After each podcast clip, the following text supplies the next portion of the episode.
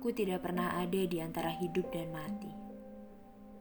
Pun aku tidak pernah ada dalam keadaan mendesak untukku mengambil keputusan penting.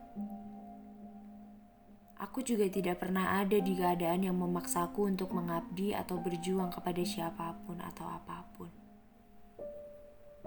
Aku bukan seorang tentara yang dengan jelas tahu apa yang dia jaga dan apa yang dia perjuangkan. Aku juga bukan seorang dokter yang tahu bahwa ia akan dengan sekuat tenaga memperjuangkan nyawa seseorang dan dengan setia melayani masyarakat, terlepas dari ras dan agamanya. Ada orang hidup untuk memperjuangkan nyawa, ada orang hidup untuk menjaga perdamaian, ada orang hidup untuk memperjuangkan keluarga, ada juga orang hidup yang tidak tahu mau dibawa ke mana hidupnya. Salah satunya mungkin aku. Aku ini manusia macam apa yang tak tahu aku akan ke mana. Aku ini manusia macam apa yang tak sadar akan sekitarnya. Untuk beberapa orang mungkin tak apa untuk tak tahu harus ke mana. Tapi aku, aku perlu tahu tujuanku apa. Bahkan aku tak tahu inginku apa. Seasing itukah aku dan diriku sendiri? Sebenarnya jiwaku ini milik siapa? Mengapa seolah kendaliku sedang diambil alih? Bodohnya, aku akan tetap menceritakan segala sesuatunya kepada mereka meski tahu mereka sering kali tak setuju. Bodohnya, aku akan tetap pulang meski tahu jalan pikiran tak pernah sejalan. Bodohnya, aku akan tetap memperjuangkan mereka meski setiap kali aku berlari ke arahnya hanya jengkel yang kudapat.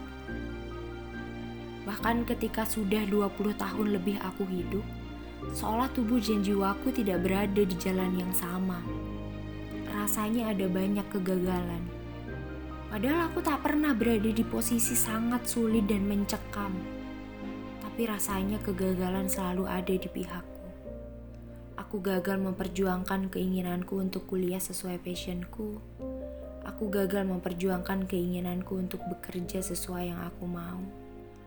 Aku gagal menyampaikan isi hatiku karena mereka seakan tak peduli. Kadang aku ingin berbohong, seolah aku terlalu sibuk sehingga aku tak perlu menghubungi mereka lagi. Aku terlalu lelah dengan semua pernyataan. Kamu harusnya bersyukur.